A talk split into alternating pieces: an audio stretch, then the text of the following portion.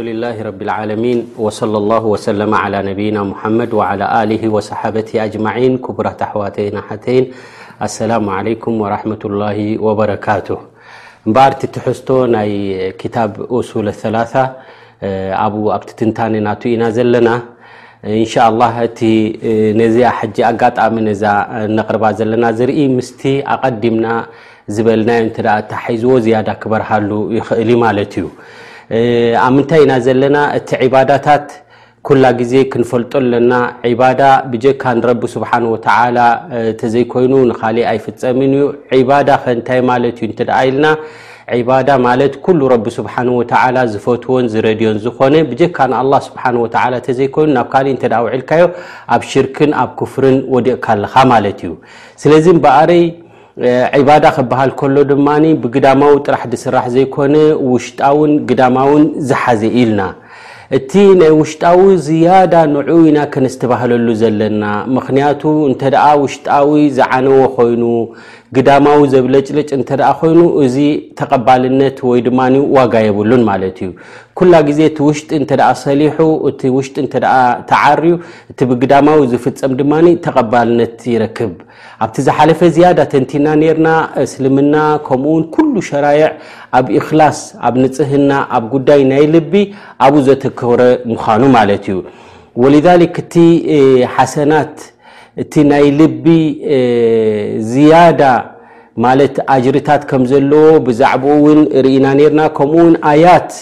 ቁርን ልከሪም ከምኡ ድማ ኣሓዲት ናይ ረሱል صለ ላ ለ ወሰለም ኣብ ናይ ልቢ ዘተኮረ ርኢና ነርና ከምኡ ውን ማዕስያ ወይ ድማ ዘንቢ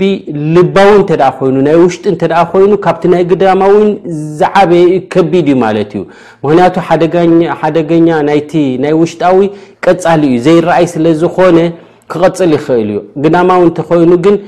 ክተቋርጾ ትኽእል ኢኻ ማለት እዩ፣ ወይ ድማ ንምቁራጹ ፈኲስ ይኸውን ማለት እዩ። ወሊዛሊክ ጉዳይ ናይ ልቢ ከቢድ ስለ ዝኾነ እቲ ዘንቢ ናይ ልቢ እውን ዓብይ እዩ ማለት እዩ። ወሊዛሊክ ካብ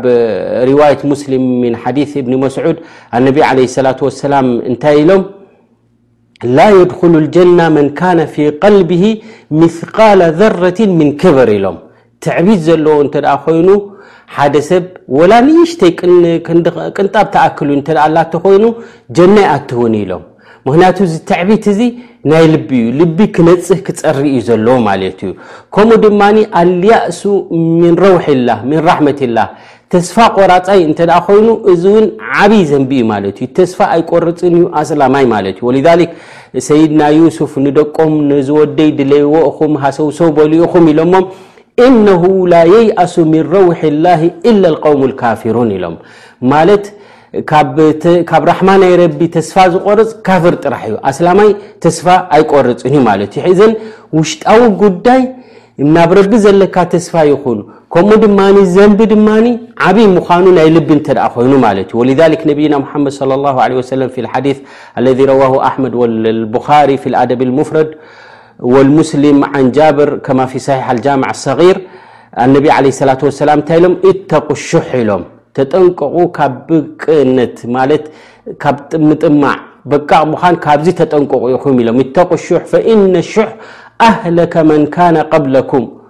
ነቶም ቅድሜኹም ዝነበሩ ዘጥፍኦም እዚ ብቅቕና እዩ፣ እዚ ጠማዕ ምዃኑ እዩ፣ እዚ ለጋስ ዘይምዃኑ ንሱ እዩ ኢሎም። ምኽንያቱ ምጥማዕ ኣብ ምንታይ ኣብፅሕዎም ኢሎም ወሓመለሁም ኣንሰፈኩ ዲማእሁም ወስተሓሉ መሓሪመሁም ክሳብ ደም ድፋሰሱን ክሳብ ድንበር ዝጠሕሱን ኮይኖም ማለት እዮም። ወሊዛሊክ ጉዳይ ናይ ሰይድና ኣደም ናይ ከምኡ ድማ ናይ ኢብሊስ እንተደኣ ርኢኻ ዘንቢ ክልቲኡ ብዘንቢ ተሰሪሑ እዩ። እንተኾነ ግን ናይ ማዕስያ ናይ ሰይድና ኣደም ካነት ኣልጀዋርሕ ግዳማዊ ነገር እዩ ናይ እብሊስ ላኪን ኣብ ምንታይ እዩ ነይሩ ማለት እዩ ናይ ውሽጣዊ ጉዳይ ነይሩ ማለት እዩ ማዕስየቱ ኣደም ሰበቡሃ ዳዕፍ ወንስያን ናይ ምርሳዕ እዩ እዚኣ ካብዚኣ ከይትበልዕ ተባሂሉ ግዳማዊ ዝኾነ ተግባር ፈፂሙ ማለት እዩ ኣይትቅረባ ዝተባሃለ ቀሪብዋ ማለት እዩ በሊዑ ማለት እዩ ላኪን ማዕስየት እብሊስ ሰበቡሃ ኣልክብር ወልኩፍር ናይ ውሽጢ እዩ ኣባ ወስተክበራ ወካነ ምን ልካፊሪን ሪኻ ትዕቢት ሒዝዎ ማለት እዩ ዘን እዚ ናይ ውሽጢ ጉዳይ ዓብይ ጥንቃቐ ክግበረሉ ዘለዎ እዩ ማለት እዩ ወምን ሁና ካነ ልከይሩ ኩለ ልከይር ፊ ጣዓት ልቁሉብ ካብዚ እንታይ ክንርዳእ ንኽእል ማለት እዩ ኩሉ ር ኣብ ምንታይ ይርከብ ማለት እዩ ኣብ ጣዓት ናይ ቀልቢ ዘሎ ማለት እዩ ወልኸጠሩ ኩሉ ልኸጠር ፊ መዓሲ ልቁሉብ ኩሉ ሓደጋ ድማ ኣብ ጉዳይ ናይ ልቢ ዘሎ እዩ እሞ እዚ ጉዳይ ናይ ልቢ እዚ ክነዝተባህለሉን ኣብኡ ድማ ንዕኡ ከነፅሪን ሕክ ንብልን ኣለና ማለት እዩ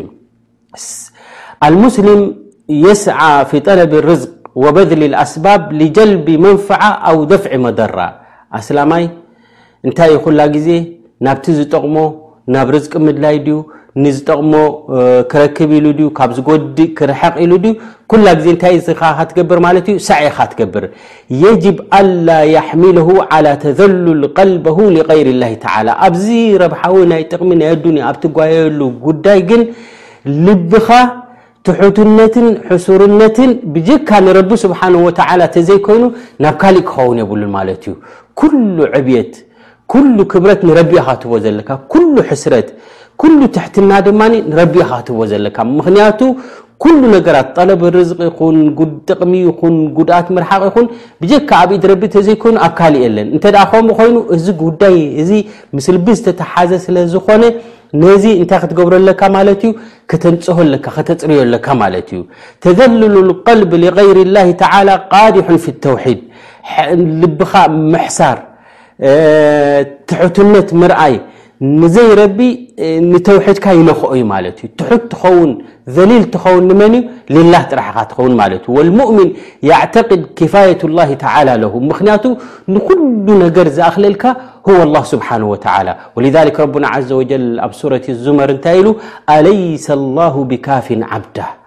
ኣላህ ስብሓን ወተዓላ ደይኮነን ንባረቱ እኹል ዝኾነሎም ዝደለኻዮ ጥቕሚ ተደሊኻ ካብ ረቢ ኢኻ ትረክብ ጉድኣት ተፈሪሕካ ካብ ረቢ ኢኻ ትፈርሕ ዘለካ ምክንያቱ ኩሉ ኣብ ኢዱ ዩ ደሎ ማለት እዩ ወኢነማ ዓለይህ ኣን የብዙል ማ የስተጢዕ ምን ኣልኣስባብ እወ ሰበብ ግበር ኢኻ ፀዓር ኢኻ ምክንያቱ በድል ኣስባብ መጥሉብ ማእሙር እዩ ኣብ ሸርዕ ማለት እዩ ላኪን ኣልቀልብ የተዓለቅ ብላሂ ዘ ወጀል ማለት እዩ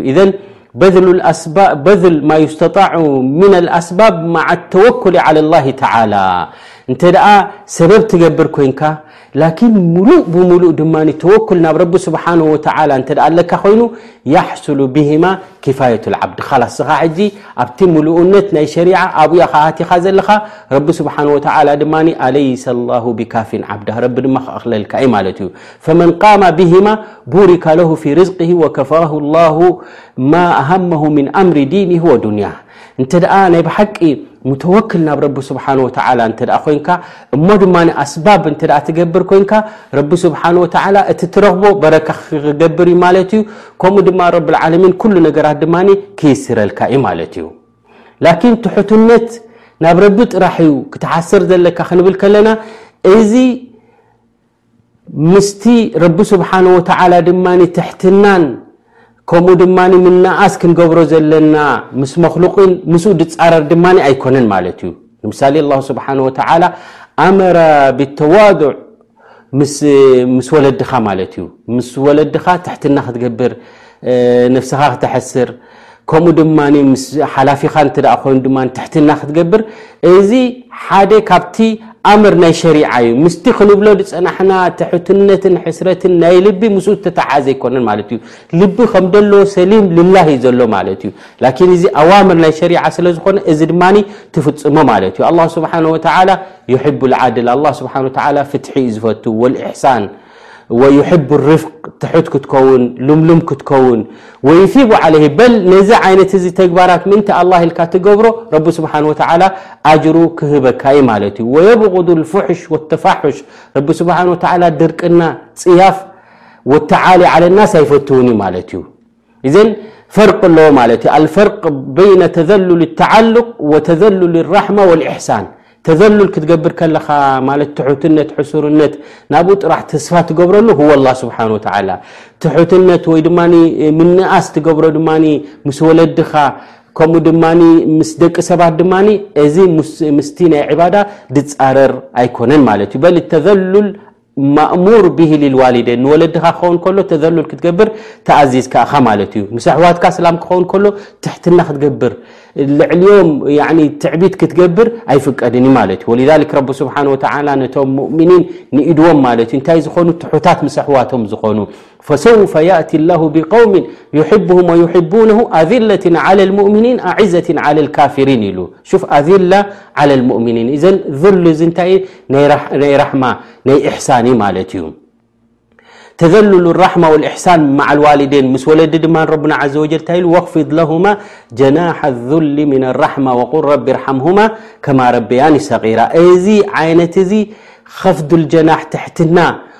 ጽቡቕ ምዝራብ፣ ምስ ወለድኻ ኢሕሳን ምግባር፣ ተዋዱዕ ምግባር፣ ነፍስኻ ምሕሳር ኣብ ቅድሚኦም፣ እዚ ምስቲ ዒባዳ ድጻረር ኣይኮነን ማለት እዩ። በል ሃዛ ማእሙሩ ሸርዑን ቱሳቡ ዓለይሂ። ላኪን ኣመል ቀልቡ ፈሁወ ሰሊሙን ሊላሂ ዓዘወጀል ገይሩ ኻዲዕን ሊልመኽሉቂን። ልቢ ላኪን ሕሱርን ትሑትን ናይ ዒባዳ ንመን እዩ ጥራሕ ዝኸውን ማለት እዩ ልላህ ስብሓን ወተዓላ እዩ ዝኸውን ማለት እዩ እዘን ምን ሰላመት ልቀልብ እምበኣረይ ልብኻ ኩላ ግዜ ንፁህ ክኸውን ልላህ ጥራሕ እተ ክኸውን እተ ኮይኑ ሓታ ነቲ ሰናይ ዝገበረልካ ሰናይ መለሰሉ ኢኻ ወልሊክ ንምንታይ ልብኻ ንጹህ ጽሩይ ምእንቲ ክኸውን ማለት እዩ ዓብድ ሸኩር ሊላህ ምእንቲ ክትከውን ማለት እዩ ነቶም እሕሳን ዝገበሩልካ እሕሳኖም ምለሰሎም ምክንያቱ እዚኣቶም ሰበብ እዮም ነይሮም ኣብ ሰበብ ምእንቲ ተዓልቕ ከይትገብር ማለት እዩ ወሊዛሊክ ኣርሸደ ነቢዩ صለ ላሁ ለ ወሰለም ኢለልሃዲ ኣው ኢለልሁዳ ፊ ሙዓመለት መን ማለት ነቲ ር ዝገበረልካ ር ክትገብረሉ ኣነቢ ለ ሰላት ወሰላም ወጅሆምና እዮም ማለት እዩሞ ذ ነብና ሓመድ ለ ሰላት ወሰላም እንታይ ኢሎም መን ሱኒዓ ኢለይ ማዕሩፈ ፈልየጅዝሁ ኢሎም ማለት ፅቡቕ ዝገበረሉ ሰብ እንተ ኮይኑ ነቲ ፅቡቕ ዝገበረልካ ፅቡቕ ግበረሉ ኢኻ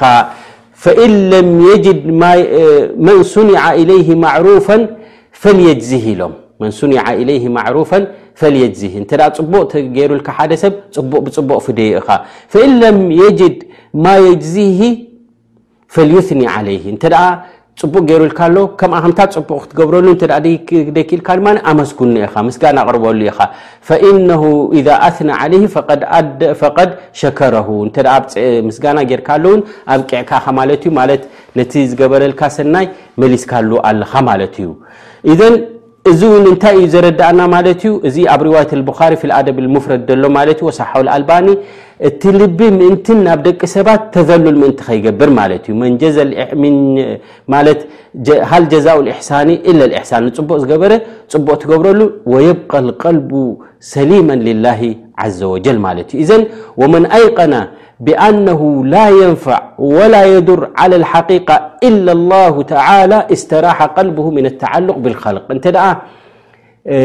ክጠቅም ዝኽእል ክጎድእ ዝኽእል ብጀካ ረቢ ስብሓን ወተላ እተዘይኮይኑ ካልእ የለን ዝብል እንተ ኣሕዲርካ ኣብ ልብኻ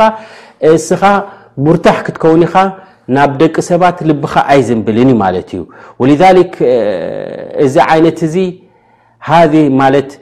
ኣናፍዕ ወዳር ረቢ ስብሓን ወተዓላ ናብኡ ጥራሕ ተዓልቕ ክትገብር ከም ደለካ ኣብ ቁርን ልከሪም ተደጋጊሙ ብዙሕ ኣያት ኣለና ማለት እዩ ማለት እንተ ማለት ረቢ ስብሓን ወተዓላ ዝጠቅም ጥቕሚ ዝህበካ ረቢ እንተ ኮይኑ ጉድኣት ድማ ብጀካ ካብ ረቢ ስብሓን ወተዓላ እተዘይኮይኑ ካብ ካልኡን ክመፀካ ዘይክእል እንተ ኮይኑ ነዚ እንተ ኣሚንካ እንታይ ኢኻ ክትከውን ማለት እዩ ሙስተሪሕ ኣልቀልቢ ኢኻ ክትከውን ሙተወክል ዓለላ ኢኻ ድማ ክትከውን ማለት እዩ ወሊዛሊክ ካብ ዘይረቢ እውን ኣይክትፈርሕን ኢኻ ማለት እዩ ምስታ ሕጂ ሒዝናያ ዘለና ኣልኸውፍ ትብል ሓንቲ ካብተን ዕባዳታት ምስ ዝተተሓዘ ማለት እዩ ወልሊክ ረቡና ዘ ወጀል እንታይ ኢሉ ቁል ኣተዕቡዱና ምን ዱን ላ ማ ላ የምልኩ ለኩም ضራ ወላ ነፍዓ ወላሁ ሁወ ሰሚዑ ዓሊም ንመን ኢኹም ትግዝኡ ዘለኹም ንመን ኢኹም ተዓብዱ ዘለኹም ኢለዎም ነቶም ጣኦት ትግዝኡ ዘሎ ማለት እዮም ነቲ ጉድኣት ክጎድእ ዘይክእል ጥቕሚ ክውንን ዘይክእል ንዑ ዲኹም ትግዝኡ ዘለኹም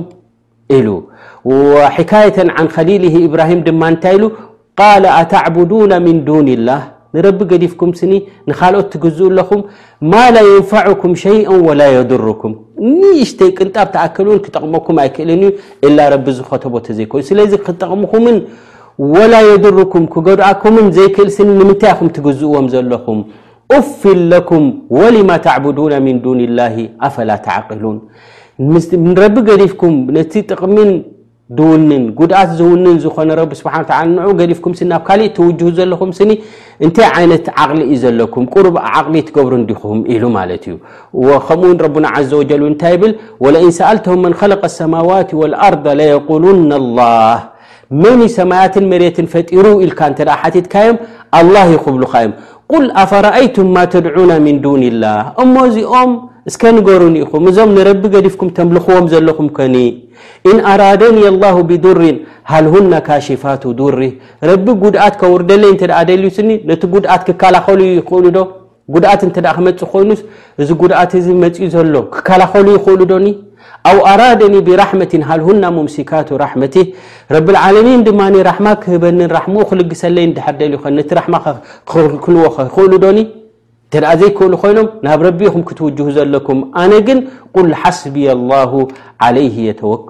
የተወከሉ ልሙተወኪሉን እምበኣረይ እቶም ናይ ብሓቂ ተወከልቲ ዝኾኑ እቶም ናይ ብሓቂ ናይ ብሓቂ መፀግዒ ዝፅግዑ ናብ ረቢ ስብሓን ወተዓላ ዝውከሉ ጥራሕ እዮም ማለት እዮም ከምኡ ውን ረቡና ስብሓን ወተዓላ ኣብ ሱረት ዩኑስ እንታይ ኢሉ ወኢ የምሰስከ ላሁ ብዱሪን ፈላ ካሽፈላ እንተ ደኣ ጉድኣት መፂኡ ነዚ ጉድኣት እዚ ክቕንጥጠልካን ክልዕለልካን ዝኽእል የለን ኢላ ሁ ብጀካ ረቢ ስብሓን ወተዓላ ተዘይኮይኑ ወእን ዩሪድካ ብኸይሪን ፈላ ራዳ ሊፈድሊ ከምኡ ድማ ር ክህበካ ተደልዩ ረቢ ስብሓ ላ ሽሻዮ ክህበካ ተደልዩ ልግሲ ክህበካ ተደልዩ ድማ ነዚ ልግሲን ራሕማን ርህራሃይን ናይ ረቢ ድማ ክክልክሎ ዝኽእል ሰብ የለን ማለት እዩ ክክልክሎ ዝኽእል ማዕቡድ እውን የለን ማለት እዩ ፈላ ራዳ ሊፈضሊ ዩሲቡ ብሂ መን የሻኡ ምን ዕባድ ወሁወ غፉሩ ራሒም እዚ ኣብ ሱረት ዩኑስ መበል ዓሰርተ